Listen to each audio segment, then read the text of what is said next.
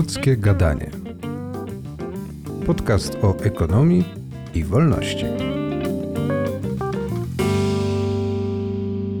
Dzień dobry Państwu, Mateusz Benedyk. Zapraszam do wysłuchania dziesiątego odcinka naszego podcastu Ludzkie Gadanie, podcast o ekonomii i wolności.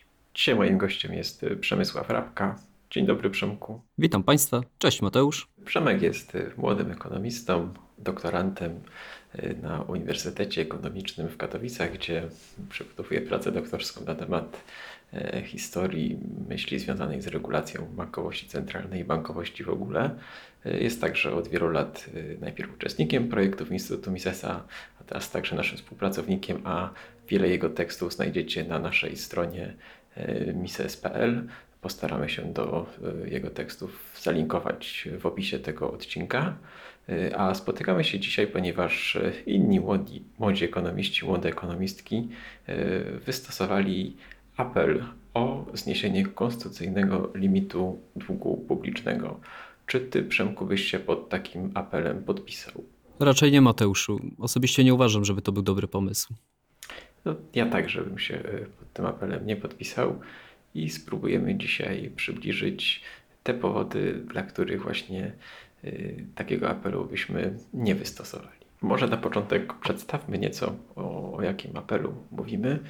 Y, mianowicie na stronie Pospolita EU ukazał się apel Dług dla regeneracji. Apel o zniesienie limitu zadłużenia w Konstytucji RP i pod tym apelem podpisało się dwadzieścia kilka osób, ekonomistów, ekonomistek, którzy przedstawiają się właśnie jako głos młodego pokolenia polskich ekonomistów. W tym apelu wyróżniłbym trzy główne tezy.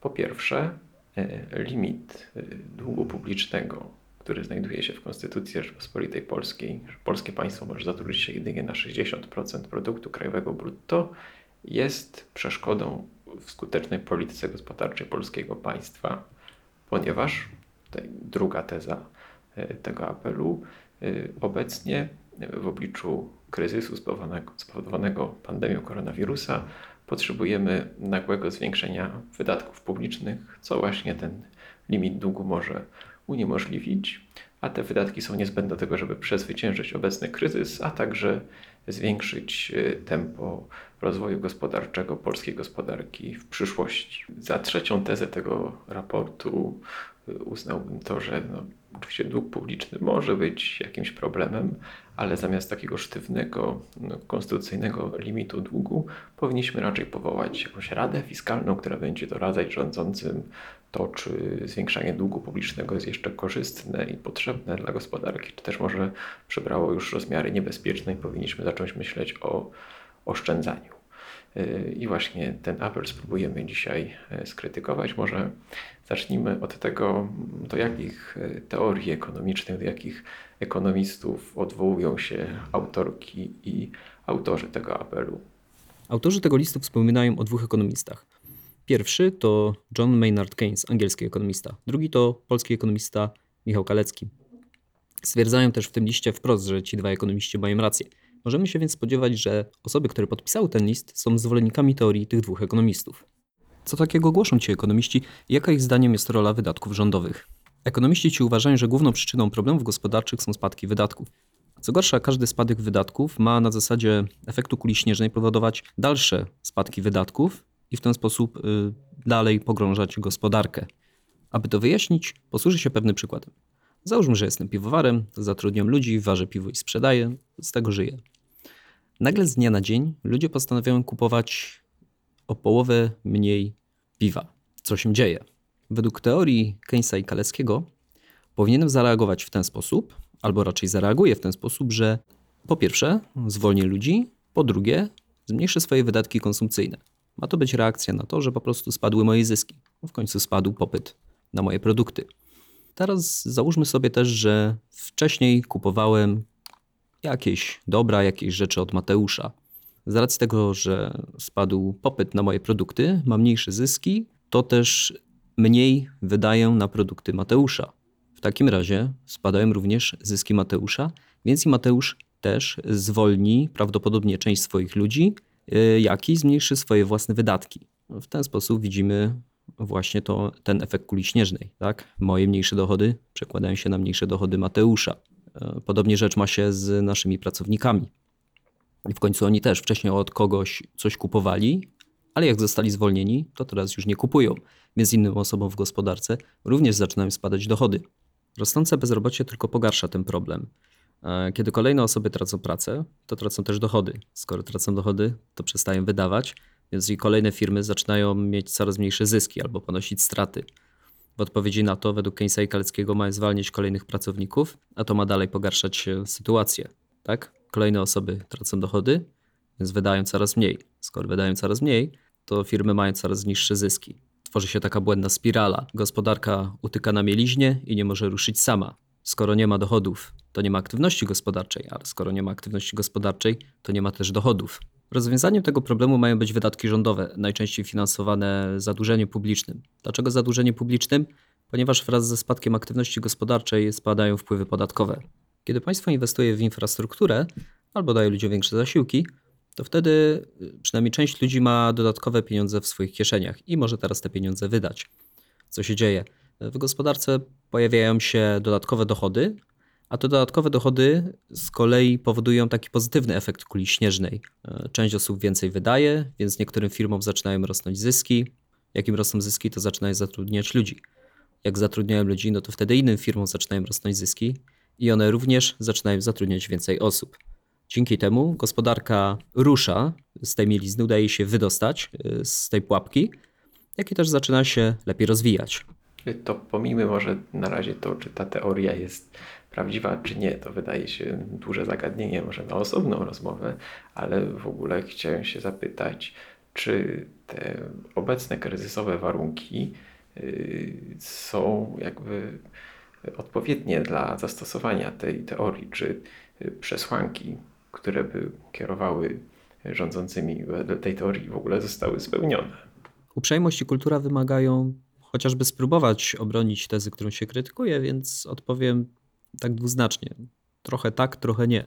Myślę, że obecna epidemia jest uzasadnieniem tezy, że państwo powinno było zainterweniować w gospodarkę, jednak nie uważam, żeby epidemia była powodem, aby interwencja państwa w gospodarkę miała być długotrwała. O co chodzi? Chodzi o to, że kiedy wybuchła epidemia koronawirusa, to faktycznie firmy miały spore problemy z płynnością.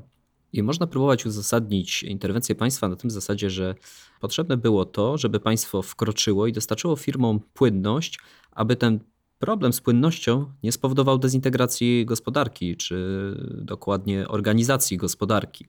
Uzasadnienie to jednak odbiega od teorii Keynesa i Kaleckiego. Jest tak dlatego, że wybuch epidemii koronawirusa spowodował e, nagłą zmianę preferencji konsumentów, więc firmy muszą dostosować się do nowych warunków panujących na rynku, muszą wymyślić nowe produkty oraz nowy sposób dostarczania tych produktów e, do konsumentów, aby ci zechcieli je kupić. Jeśli firmy tego nie zrobią, to ich sprzedaż po prostu nie wzrośnie. Tak więc mamy tutaj do czynienia z pewnym e, realnym szokiem, który wymaga reorganizacji ze strony firm. Samo pobudzanie popytu nie rozwiąże tego problemu. Ludzie po prostu boją się choroby, nie chcą wychodzić z domów. To nie sam spadek dochodów jest problemem. Problemem jest szok realny, jaki wywołała epidemia koronawirusa. Po prostu firmy muszą teraz dostosować się, muszą zmienić swoją organizację pracy, przeorganizować sposób dostarczania towarów do konsumentów. Inaczej gospodarka nigdy nie ozdrowieje. To jest problem, którego nie rozwiążemy za pomocą pobudzania popytu. Dodam jeszcze, że długotrwałe dostarczanie płynności przez państwo firmom mogłoby mieć negatywny wpływ na ożywienie gospodarcze. E, Firmy, które by korzystały z tych zastrzyków płynności, mogłyby odwlekać w czasie konieczną reorganizację pracy. E, W efekcie raz, że byłoby słabsze ożywienie, dwa, osoby zatrudnione w tych firmach tak naprawdę nie wykonywałyby zbyt dużo pracy, dlatego też samo dostarczanie płynności firmom przez państwo byłoby formą ukrywania bezrobocia. Czyli, żeby to jakoś y, zobrazować, pracownicy z tych branż, które najbardziej ucierpiały w czasie kryzysu, powiedzmy branży lotniczej, eventowej czy hotelarskiej, powinni znaleźć zatrudnienie w jakichś innych sektorach, które sobie w czasie kryzysu radziły lepiej. Nie wiem, czy to przy produkcji rękawiczek jednorazowych, przyłbic, y, środków y, dezynfekujących y, i tym podobnych, tak? I te interwencje, o których wspominasz, mogą sprawić, że ten okres dostosowawczy, który jest niezbędny do tego, żeby ta realokacja pracowników nastąpiła, może się wydłużyć. Czy dobrze Ciebie zrozumiałem? Tak, o to chodzi. Ale propozycję zwiększenia wydatków publicznych bronię nie na podstawie teorii Keynesa i Kaleckiego, ale z zupełnie innych powodów. Samo pobudzanie wydatków nominalnych nie pomoże w sytuacji, gdy z powodu zmian w otoczeniu zwyczajnie znika większość popytu na część dóbr i usług. Jedyne uzasadnienie, jakie widzę dla aktywności państwa, to krótkoterminowe dostarczenie płynności w celu zaradzenia temu jednemu problemowi. Niestety rynek musi dostosować się do zmian, jakie zaszły. To jeszcze a propos nieadekwatności tej teorii do obecnej sytuacji gospodarczej, to chciałbym zauważyć, że na przykład według Polskiego Ministerstwa Finansów, według e, najnowszych szacunków, polski nominalny PKB, czyli jest to pewnego rodzaju przybliżenie tego, ile w sumie wydatków e, w gospodarce następuje, ma się rok do roku praktycznie nie zmienić. Tak jakby realny PKB ma spaść, ma być inflacja, więc nominalny PKB ma się nie zmienić, więc jakby strumień wydatków y, rok do roku ma się jakoś zasadniczo nie zmienić, więc tej ważnej przesłanki, która keynesowskiej teorii występuje w polskiej gospodarce, raczej w tym roku nie spełnimy. A po drugie, tutaj autorki, autorzy wprost odnoszą się do tego, żeby mobilizować niewykorzystane czynniki produkcji, z tym, że jakby no, bezrobocie w Polsce na szczęście jakoś wyraźnie nie wzrosło e, po okresie pandemii, ani też w prognozach gospodarczych nie wskazuje się na to, żeby miało przybrać na przykład jakieś dwucyfrowe rozmiary stopa bezrobocia, e, a już przed pandemią mieliśmy jedną z najniższych stóp bezrobocia w Europie. Więc jakby mm, to może być taki problem, że tych no, niewykorzystanych czynników produkcji w Polsce po prostu za bardzo nie będzie, które miałyby być mobilizowane przez te dodatkowe wydatki publiczne. Można też dodać, że w Polsce w ostatnich latach mieliśmy do czynienia e, z ciekawą sytuacją, ponieważ e, zwiększone wydatki fiskalne stymulacja fiskalna szła w parze właśnie ze zmniejszonym wykorzystaniem czynników produkcji, a nie zwiększonym. I dlaczego tak się działo? Ponieważ te dodatkowe wydatki przybrały formę na przykład programu 500, który wedle różnych szacunków około 100 tysięcy kobiet, może trochę mniej, może trochę więcej, skutecznie odciągnął z rynku pracy. A z kolei na przykład y, zmniejszenie wieku emerytalnego E, skutecznie odciągnęło kilkaset tysięcy kobiet e, z rynku pracy, więc jakby musimy być ostrożni w tym, na co te wydatki dodatkowe, nasza stymulacja fiskalna przeznaczy. Nawet jeśli byśmy się z tą teorią nie zgadzali, to wiemy, że no nie zawsze taki efekt z pewnością nastąpi. Natomiast w samym apelu są wyraźnie wskazane trzy obszary, na jakie te dodatkowe wydatki publiczne miałyby zostać przeznaczone. Więc po pierwsze, te wydatki miałyby y, zamknąć y, infrastrukturalną lukę inwestycyjną. Po drugie, miałyby zostać przeznaczone na programy mieszkaniowe, a po trzecie, miałyby zostać y, przeznaczone na sfinansowanie transformacji energetycznej Y, co byś powiedział na ten wybór właśnie obszarów, gdzie te dodatkowe wydatki publiczne miałyby zostać skierowane? Zacznijmy od infrastruktury. Obecnie Polska dużo inwestuje w infrastrukturę. Według Fundacji Republikańskiej w 2018 roku wydatki na infrastrukturę wyniosły prawie 95 miliardów złotych. W 2017 roku te wydatki wynosiły 73 miliardy złotych. Widzimy, że już te wydatki e, znacznie wzrosły. Dodatkowo obecnie są prowadzone e, znaczne projekty infrastrukturalne, jak przekop Mierzei Wiślanej czy CPK. Warto też wspomnieć o projekcie remontu kolei, który kosztuje więcej niż wynoszą przychody ze sprzedaży biletów. Wydaje mi się, że to wcale nie są małe wydatki na infrastrukturę. Tak, jeśli y, pamięć mnie nie myli, to obecnie y, wydatki inwestycyjne na linie kolejowe sięgają już prawie 10 miliardów złotych rocznie, a całkowite przychody ze świadczenia usług transportowych na kolei, czy to liczymy przewozy osobowe i zakup biletów, jak i państwowe dotacje do zakupu tych biletów, czy to przewozy towarowe i opłaty za przewóz y, tych towarów, y, sięgają w sumie y, około 12 miliardów złotych, więc no,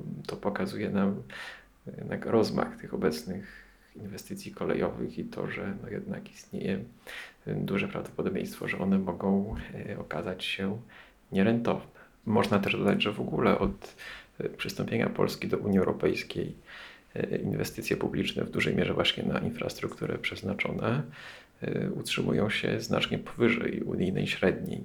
W Polsce od kilkunastu lat jest to zwykle około 4-5% PKB, podczas gdy w Unii ta średnia nieco przekracza 2% PKB, więc też jest tutaj taki problem, że jakby każda kolejna inwestycja, każda kolejna autostrada, droga ekspresowa może przynosić no już coraz mniejszą stopę zwrotu. Powiedzmy, autostrada 4 między Legnicą a y, Katowicami jest y, bardzo zatłoczona i raczej y, pewnie przydałoby się jej rozbudowa, jeśli coś. I no jestem przekonany, że taka autostrada mogłaby się nawet utrzymywać wyłącznie ze sprzedaży biletów na, na, na wjazd na tę autostradę zupełnie dobrowolnie.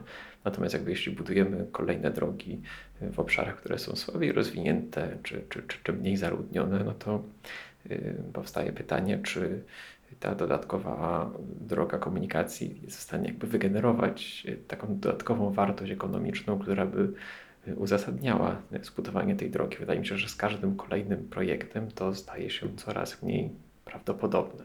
Może rację, zwróciłeś uwagę na istotny problem. Powinniśmy pamiętać, by sprawdzić, czy kolejne projekty infrastrukturalne e, są uzasadnione ekonomicznie.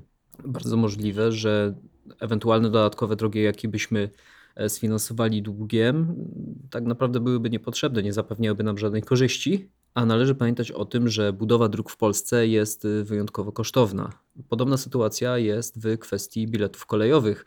Obecnie ten remont jest relatywnie kosztowny. A można powiedzieć, że bardzo kosztowny, w końcu kosztuje więcej niż przychody z biletów. Więc, żeby to się opłacało, bilety kolejowe na pewno będą musiały w przyszłości zdrożeć. Jeśli nie, to będziemy musieli z budżetu dopłacać do kolei, a to będzie oznaczać e, pogorszenie finansów publicznych. E, ok, to co w takim razie z kolejnymi punktami wydatkowymi, mieszkaniami, energetyką? Zajmijmy się może energetyką. Wygląda na to, że energetyka, transformacja energetyczna również nie potrzebuje jeszcze większego wsparcia ze strony państwa, a na pewno nie tak dużego wsparcia ze strony państwa, żebyśmy musieli zaciągać jakiś dług publiczny.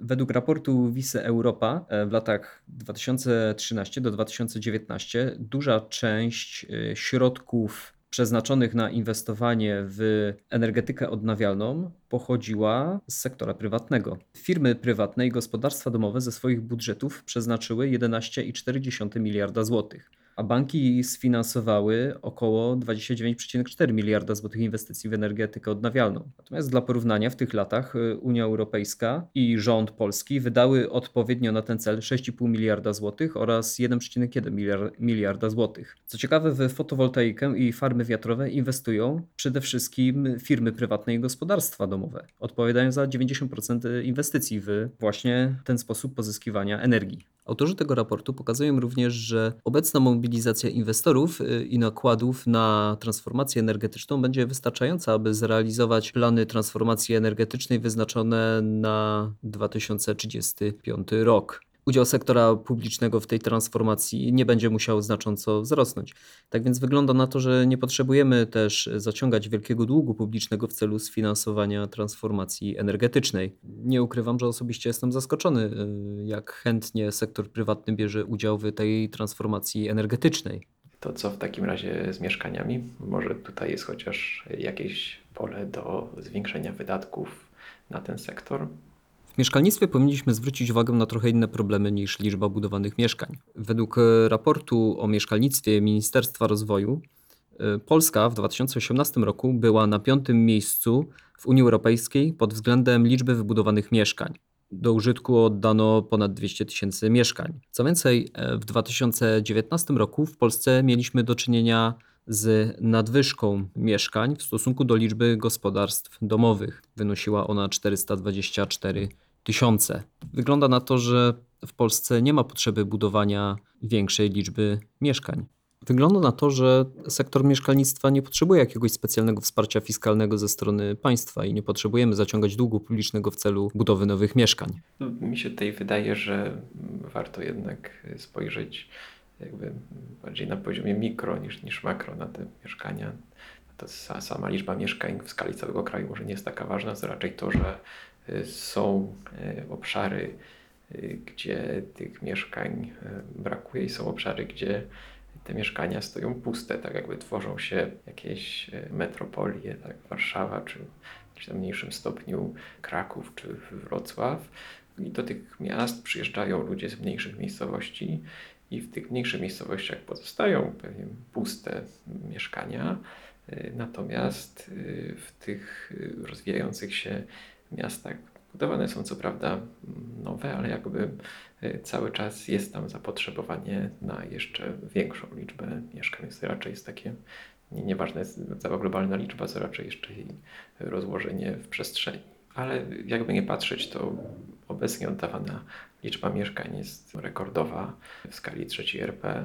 Y, To już jest około 200 tysięcy nowych mieszkań rocznie i no jednak powstaje obawa, że jakby dalsze rozgrzewanie tego rynku będzie prowadziło do tworzenia jakiejś no, sporej bańki mieszkaniowej czy bańki nieruchomościowej, a tego typu przeinwestowanie sektora nieruchomości już odbiło się czkawką wielu gospodarkom i to zupełnie niedawno, przecież no, w 2008 roku i w okolicach tego roku mieliśmy czynienia z pęknięciem bańki mieszkaniowej w Stanach Zjednoczonych, w Irlandii, w Hiszpanii.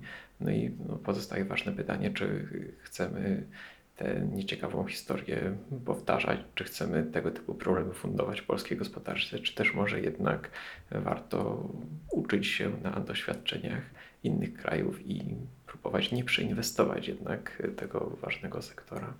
Masz rację, należy pamiętać o tym, że rządy przyłożyły się do stworzenia kryzysu z 2007 i 2008 roku. Wśród ekonomistów powszechnie znany jest fakt, że agencje Fannie Mae i Freddie Mac, które miały powiązania z rządem, przyczyniły się do napompowania bańki na rynku nieruchomości za pomocą zbyt taniego kredytu. Y, To może przejdźmy już do następnego punktu naszej rozmowy, ale zanim to zrobimy, to chciałbym zachęcić Państwa do tego, żeby wejść na stronę wesprzyjmises.pl. Tam e, znajdą Państwo e, nasz nowy projekt, program Ekonomia Plus, w ramach którego chcemy wysyłać książkę Henry'ego Hazlita Ekonomia w jednej lekcji oraz e, taki raport o tym, jakiego typu rynkowe reformy pomogłyby Polsce wydostać się z obecnego kryzysu. I chcemy te dwie rzeczy wysłać politykom, którzy decydują o losie naszego kraju. Y, Bardzo zachęcam do tego, żeby ten projekt wesprzeć. Y, Przypominam stronę wesprzyjmises.pl. Y, Wracamy do rozmowy z Przemysławem Rabką. Rozmawiamy dzisiaj o propozycji młodych ekonomistów, którzy chcieliby likwidacji limitu długu publicznego zapisanego w polskiej konstytucji. Więc może zajmiemy się tym, czy dług publiczny jako taki może być szkodliwy gospodarczo. Jak na takie pytanie byś odpowiedział? Tak, jak najbardziej dług publiczny może być szkodliwy. Wspomnę jednak wcześniej o dwóch zagadnieniach teoretycznych. Jeden to jest efekt wypierania, a drugi to jest cel teorii monetarnej. Otóż, co jest celem teorii monetarnej? Można tutaj przytoczyć y, po prostu definicję Friedricha Augusta von Hayeka, który stwierdził, że celem teorii monetarnej jest zbadanie, jak zmiany w sferze monetarnej, czyli w tym również w sferze długu, wpływają na ruchy zasobów y, dostępnych w gospodarce. Natomiast co to jest efekt wypierania? Efekt wypierania polega na tym, że kiedy państwo się zadłuża, to odciąga ono zasoby finansowe oraz zasoby realne od sektora prywatnego. Jednocześnie powoduje wzrost stóp procentowych. Widzimy więc, że sektor prywatny staje się relatywnie mniej istotny w gospodarce oraz cierpi z powodu wyższych kosztów. Ktoś oczywiście mógłby powiedzieć, że w dzisiejszych czasach nie musimy przejmować się efektem wypierania. W końcu banki mogą wykreować pieniądz zarówno dla sektora publicznego, jak i prywatnego. Jednak w rzeczywistości wciąż mamy do czynienia z tym efektem wypierania. Zacznijmy może od realnego efektu wypierania. Banki faktycznie mogą wykreować ten pieniądz zarówno dla sektora prywatnego i publicznego, ale rozpatrzmy sytuację, gdzie nowy pieniądz kreowany przez banki trafia przede wszystkim do sektora publicznego. W tym momencie sektor publiczny dysponuje większą siłą nabywczą i zaczyna nabywać realne zasoby jak deski, gwoździe, cegły. W tym momencie sektor prywatny, który nie dysponuje tymi nowymi pieniędzmi, tą nową dodatkową siłą nabywczą, on będzie musiał zapłacić więcej za te same zasoby, z których korzystał wcześniej. Tak więc widzimy, że tutaj sektor publiczny wyparł sektor prywatny. Z drugiej strony wciąż mamy do czynienia z, że tak powiem, finansowym efektem wypierania. Chodzi o to, że jednak banki, pomimo iż mogą tworzyć pieniądz z niczego, to wciąż muszą przejmować się swoją wypłacalnością, swoją rentownością i tym, żeby nie wziąć na siebie zbyt dużo ryzyka. Te czynniki, one ograniczają ilość pieniądza, jakie banki są gotów wykreować.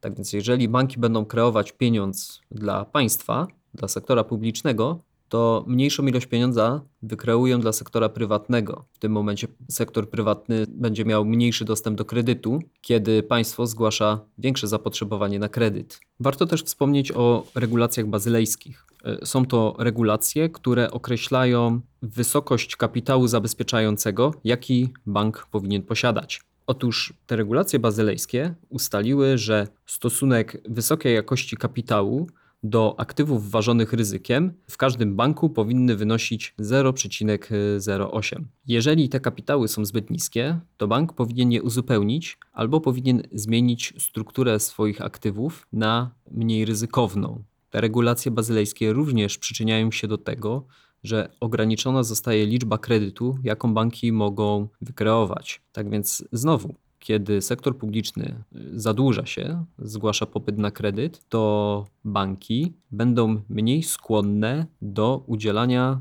tego kredytu sektorowi prywatnemu.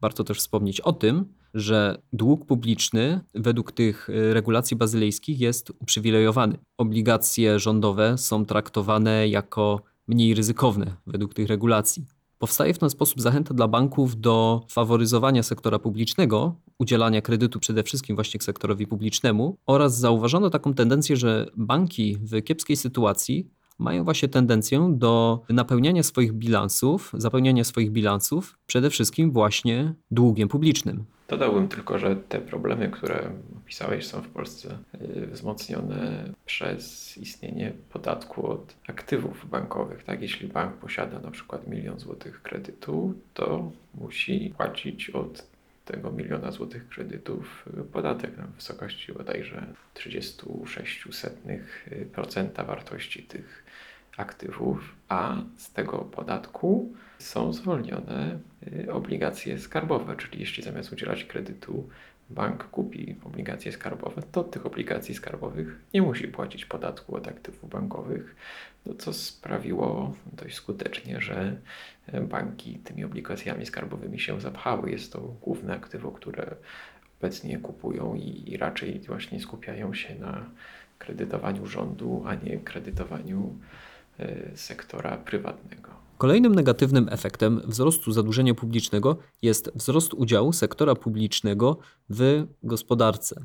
Myślę, że historia wystarczająco wiele razy i wystarczająco dobrze pokazała nam, że mimo wszystko sektor prywatny lepiej sobie radzi z alokacją zasobów niż sektor publiczny. Państwo nie jest poddane aż tak rygorystycznemu reżimowi kalkulacji ekonomicznej jak sektor prywatny. Sektor publiczny zadłużając się zaczyna dysponować dodatkową siłą nabywczą, za pomocą której po prostu wypycha sektor prywatny. Więcej zasobów jest y, rozporządzanych wedle jakiegoś klucza politycznego, a mniej wedle ich użyteczności ekonomicznej. W ten sposób y, zostaje osłabiony wzrost gospodarczy, zostaje osłabiony wzrost płac, natomiast y, większa część gospodarki staje się łupem polityków. Trzeba zwrócić uwagę na to, że wraz z rozrostem sektora publicznego i wzrostem jego znaczenia w gospodarce, coraz większa część gospodarki będzie stawała się łupem politycznym. Pamiętajmy jednak, że w Polsce wciąż toczone są różne wojny partyjne, a stawką w nich oprócz władzy są również pozycje w spółkach publicznych, w samorządach, pozycje w rządzie. Im większy jest sektor publiczny, tym większy wpływ na alokację zasobów mają jakieś niesnaski między politykami. Jest to sytuacja bardzo niekorzystna, a zwiększając zadłużenie publiczne, tylko będziemy ten problem w Polsce pogarszać. No więc na razie muszę powiedzieć, że wzrost długu publicznego będzie skutkował zwiększoną rolą sektora e, państwowego w alokacji zasobów w gospodarce, a czy jeszcze jakiś e, negatywny efekt tego długu publicznego byłbyś w stanie wskazać? Kolejnym problemem wiążącym się z zadłużeniem publicznym jest stabilność sektora bankowego. Według ostatniego raportu NBP o stabilności sektora bankowego, sektor ten jest w nie najlepszej kondycji. Może nam nawet grozić sytuacja credit crunchu, czyli gwałtownego odcięcia gospodarki od kredytu. Sektor bankowy jest obecnie istotnym dostawcą finansowania dla sektora prywatnego w Polsce. Kiepska sytuacja sektora bankowego wynika w dużej mierze z rekordowo niskich stóp procentowych. Być może są one dobre dla państwa, które chce się zadłużać, ale nie są one dobre dla sektora bankowego. Niskie stopy oznaczają nie najlepszą rentowność tego sektora. Jeżeli tylko państwo będzie zadłużać się dalej, to możliwe jest, że znajdziemy się w sytuacji greckiej tragedii. Chodzi o to, że część długu publicznego na pewno będzie oprocentowane po zmiennej stopie, a część długu publicznego na pewno będzie rolowane. Jeżeli wzrosną stopy procentowe, to wzrośnie koszt obsługi długu publicznego. Tak więc wygląda na to, że NBP nie będzie mógł dopuścić do wzrostu stóp procentowych. Ale z drugiej strony, jeżeli te stopy procentowe nie wzrosną, to sytuacja banków w Polsce będzie się pogarszać, będą one coraz mniej stabilne, a sektor prywatny będzie miał coraz gorszy dostęp do finansowania. Tak więc pojawia nam się tutaj właśnie ta sytuacja greckiej tragedii. Będziemy musieli wybierać między stabilnością i zdrowiem sektora bankowego w Polsce, a zdrowiem finansów publicznych. Jeśli interesują Państwa zagadnienia makroekonomiczne, to chciałbym Państwu polecić książkę Friedricha Augusta von Hayeka Pieniądz i kryzysy. Ten autor, dzisiaj już kilkukrotnie wspomniany, stworzył podwaliny czegoś, co możemy nazwać austriacką makroekonomią i w tej książce między innymi rozprawia się z takimi teoriami, które właśnie upatrują w wysokości popytu konsumpcyjnego głównej determinanty tego, jak szybko przebiega rozwój gospodarczy, więc dla alternatywnego austriackiego wyjaśnienia serdecznie tę książkę polecam. Pieniądz i kryzysy Friedrich August von Hayek, dostępny na przykład w naszym sklepie misessklep.pl. Wracam do rozmowy z Przemysławem Rabką. Dzisiaj dyskutujemy o tym, czy powinniśmy zlikwidować limit zadłużenia publicznego zapisane w Konstytucji, że dług nie może przekraczać 3 piątych produktu krajowego brutto i czy powinniśmy zacząć wydawać więcej jako państwo. No i stajemy tutaj przed takim pytaniem z nieco innego obszaru, czy może przychodzić do głowy przykład jakiegoś kraju, który się świetnie rozwinął dzięki zwiększaniu długu publicznego. Czy, czy, czy znamy jakiś kraj, który przeszedł właśnie od kraju gorzej rozwiniętego do czołówki dochodowej najbogatszych krajów świata, właśnie systematycznie zwiększając dług publiczny, tak jak chcieliby to autorzy wspomnianego dzisiaj wielokrotnie apelu. Właśnie nie. Nie jestem w stanie sobie skojarzyć żadnego państwa, które dzięki zadłużeniu publicznemu urosłoby w siłę. No właśnie taki mam problem tutaj z autorkami, autorami tego apelu, że no, nie pokazali nam, gdzie właśnie taki nagły przyrost długu publicznego spowodował długookresowy wzrost produktywności gospodarki. Jak tutaj nam eksperyment proponują wyraźnie. Ten pomysł może nie jest eksperymentem, ale też nie jest dobrym pomysłem. Wielokrotnie wcześniej w historii różnorakie państwa bogate i biedne zadłużały się i raczej nigdy nie kończyło się to dobrze. Duet Reinhardt i Rogow w swoim artykule Growth in Time of Debt dobrze pokazują zależność między wzrostem zadłużenia publicznego a wzrostem gospodarczym oraz inflacją. Mianowicie im wyższy dług publiczny, tym niższy wzrost gospodarczy oraz tym wyższa inflacja.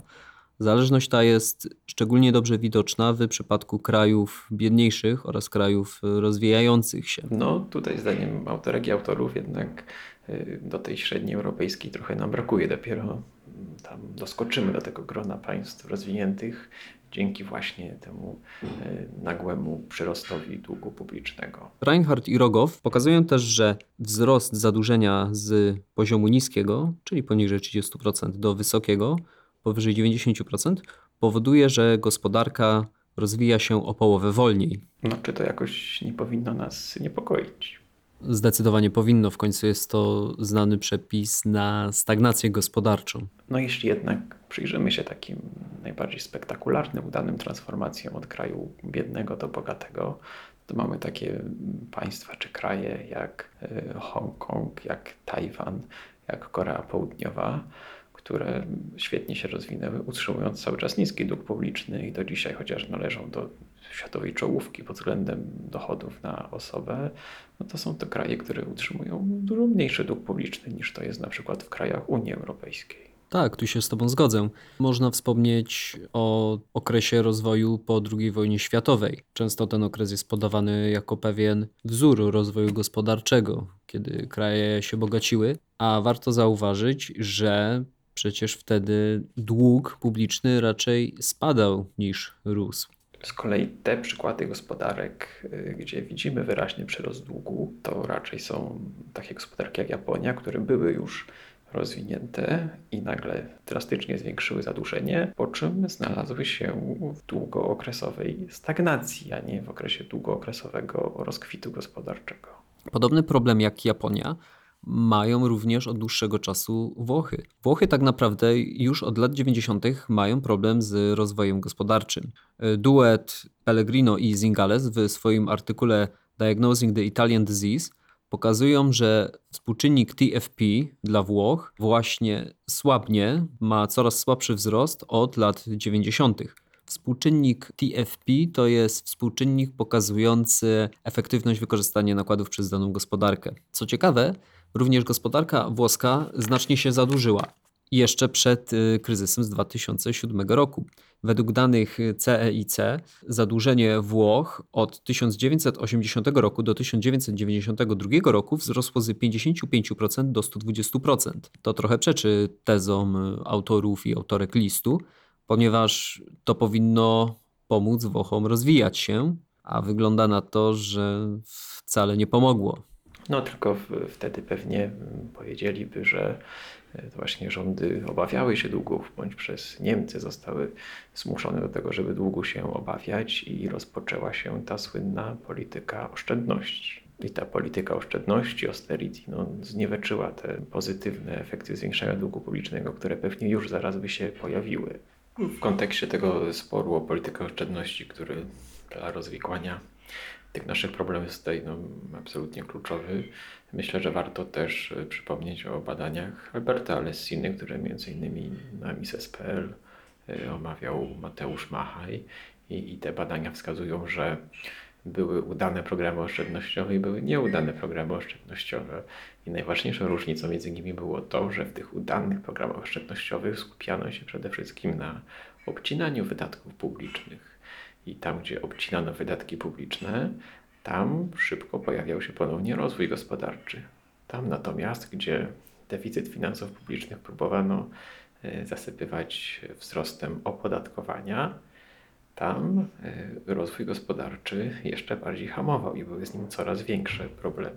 Możemy chyba zatem powiedzieć, że jakby no ważna jest forma tego, jak walczymy z długiem publicznym jeśli ta forma przybiera właśnie postać obniżek wydatków publicznych, to przez to, że wtedy mamy mniejszą ingerencję państwa w to, jak alokować zasoby w gospodarce, to możemy spodziewać się, że produktywność gospodarki zacznie ponownie rosnąć, tak? bo im więcej zasobów oddamy w reżim kalkulacji ekonomicznej, y, tym lepiej przedsiębiorcy będą mogli spełniać potrzeby konsumentów. W tym apelu, o którym dzisiaj rozmawiamy, są jeszcze wskazane dwa przypadki, kiedy obawa przed y, wzrostem długu publicznego miałaby powodować y, negatywne konsekwencje gospodarcze, ale no niestety żaden z tych dwóch przykładów mnie zupełnie nie przekonuje. Pierwszy przykład, jako podają, to ogólnie Ameryka Łacińska, która miałaby cierpieć właśnie z powodu niechęci do wzrostu długu publicznego. No z tym, że kraj, który tam zdecydowanie od kilku dekad rozwija się najlepiej, to Chile, które cały czas e, utrzymuje niski dług publiczny. Zdaje się, że obecnie to jest nawet powiedzmy dwa razy mniejszy y, względem PKB niż y, Polska, a krajem, który regularnie lubi zwiększać zadłużenie, jest Argentyna, która przeżywa cykliczne kryzysy długu publicznego, restrukturyzuje ten dług, po czym ponownie się zadłuża, ponownie restrukturyzuje, etc., ale no nie boi się eksperymentów z długiem publicznym, a jednak rozwój Argentyny, no niestety, stoi w miejscu. Raczej w literaturze, wydaje mi się, spotyka się takie tezy, że problemem Ameryki Łacińskiej są ogólnie rzecz biorąc kiepskie instytucje, że własność prywatna, rejestracja tej własności, swoboda dysponowania tą własnością jest po prostu, y, to wszystko jest kiepsko zorganizowane i ta, ta, ta gospodarka rynkowa nie może się niestety dobrze rozwijać w wielu krajach tego regionu. Zanim przejdziemy do drugiego przykładu, y, chciałem wspomnieć o kwestii konkurencji. Autorzy artykułu Latin America i na Rearview Mirror zwracają uwagę, że ograniczenia konkurencji oraz stosowanie ceł ochronnych i ochranianie rodzimego przemysłu było istotnym czynnikiem ograniczającym wzrost y, Ameryki Południowej. W Europie środki ochronne przemysłów oraz ograniczenia konkurencji stosowano na mniejszą skalę i ona też w latach 1950-1980 rozwijała się lepiej niż Ameryka Południowa. Tymczasem w Ameryce Południowej chętniej stosowano ograniczenia konkurencji, e, cła i chętniej chroniono swoje przemysły. I z tego powodu Ameryka Południowa mniej efektywnie wykorzystywała swoje czynniki produkcji. E, Według autorów właśnie wspomnianego przeze mnie artykułu był to istotny czynnik osłabiający rozwój Ameryki Południowej. Drugim przykładem, jaki jeszcze się w tym apelu znajduje, jest przykład Polski wstępującej do Unii Europejskiej. Zdaniem autorek i autorów, ta Polska w okolicach 2004 roku miała cierpieć przez to, że limit długu publicznego nie pozwalał na ekspansywną politykę fiskalną, przez co y, miliony ludzi musiały wyjechać y, za granicę, szukać pracy. Tak więc emigracja do Irlandii czy Wielkiej Brytanii miałaby być powodem niechęci do zwiększenia długu publicznego. No to jest o tyle dziwne, że właśnie kiedy Polska do Unii Europejskiej przystępowała, to regularnie miała deficyty finansów publicznych rzędu 5% PKB. Y, Znajdowała się też Polska no, raczej dość daleko od limitu tego długu, to było tam 40 kilka procent PKB zadłużenia publicznego, więc jakby nie widać, gdzie ta, ta sztywność tutaj jakaś rzeczywiście istniała. Tak? No, rządy, kiedy się chciały zadłużać, to zadłużały i te deficyty były wyraźne, a jednocześnie też no, akurat y, na początku XXI wieku ten rozwój gospodarczy niestety nie był tak dynamiczny, jak wielu by tego oczekiwało. No więc podsumowałbym, że niestety właśnie od tej strony historycznej, empirycznej, no ten apel jest niestety mocno niedopracowany. Czy miałbyś tutaj coś jeszcze do dodania? Tak, chciałem krótko wspomnieć o jednym państwie, o Peru. Y, Myślę, że Peru jest przykładem, który przeczy tezom stawianym w liście, który dzisiaj omawiamy. Mianowicie Peru jest państwem, które stosunkowo wysoko znajduje się w rankingu Economic Freedom Index na 51 miejscu. Jednocześnie ma niskie zadłużenie oraz niską inflację pod kontrolą. Natomiast Peru y, charakteryzuje się stosunkowo wysokim rozwojem gospodarczym. Z czymś jednak w samym apelu, myślę, możemy się zgodzić. Tak, mianowicie jest tam takie wskazanie, że jest całkiem możliwe, że tę konstytucyjną granicę długu publicznego już przekroczyliśmy, z tym, że oficjalne statystyki mogą nam tego zupełnie nie pokazać. Może wytłumaczyłbyś, jak do tego mogło dojść? Może tak być, ponieważ ostatnimi czasy coraz więcej y, zadań jest y, zrzucanych na samorządy. Jednocześnie wiele wydatków państwo stara się upychać po jakichś y, funduszach celowych. Często jakieś różnorakie fundusze utworzone do realizacji pewnego celu i zadłużenie tych funduszy nie jest liczone do ogólnego zadłużenia publicznego. Y, Również wygląda inaczej raportowanie zadłużenia samorządów. Swoją rolę odgrywa też y, PFR i BGK, które mogą emitować różnorakie obligacje, a które następnie e, skupuje NBP. Tak, no tutaj kluczową rolę zdecydowanie Polski Fundusz Rozwoju odgrywał w ostatnich miesiącach, bo to właśnie w ramach tego PFR-u y, poszła duża część pomocy dla firm w ramach tych kolejnych tarcz antykryzysowych.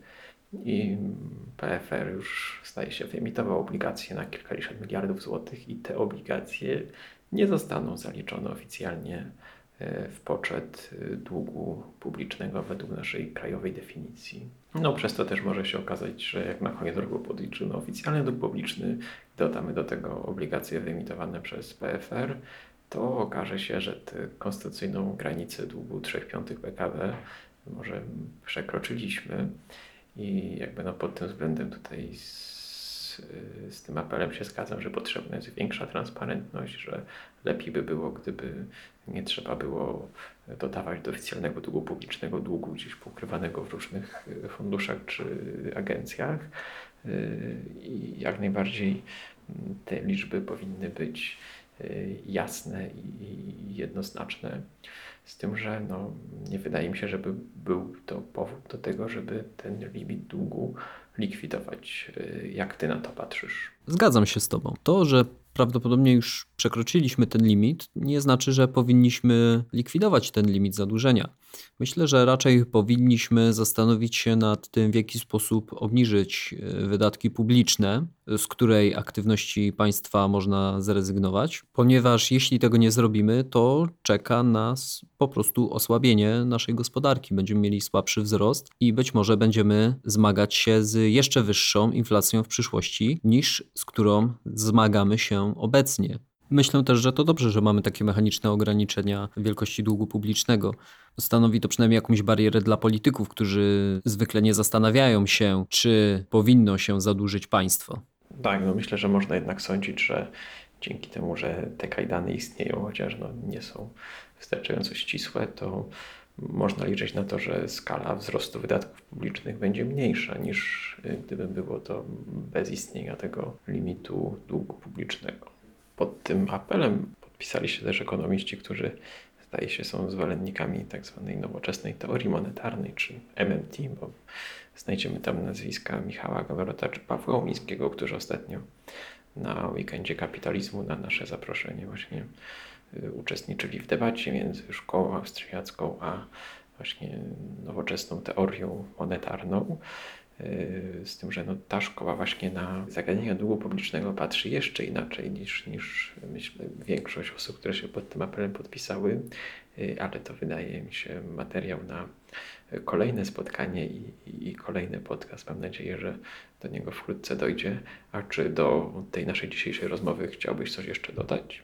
Myślę, że nie. To w takim razie y, dziękuję Ci za rozmowę, a Państwu dziękuję za uwagę. Jak zawsze zachęcam do tego, żeby subskrybować nasz kanał na YouTube, żeby y, żadne nowe filmy Państwu nie umknęły, a jeśli y, wolą Państwo słuchać naszych podcastów na swoich ulubionych platformach podcastowych, na Spotify, Google Podcast, Apple Podcast y, czy jeszcze innym, to y, z pewnością znajdą tam Państwo nasze odcinki, ponieważ na tych różnych platformach staramy się jednocześnie razem z YouTube'em je publikować. Raz jeszcze dziękuję za uwagę i do usłyszenia. Dzięki, do usłyszenia.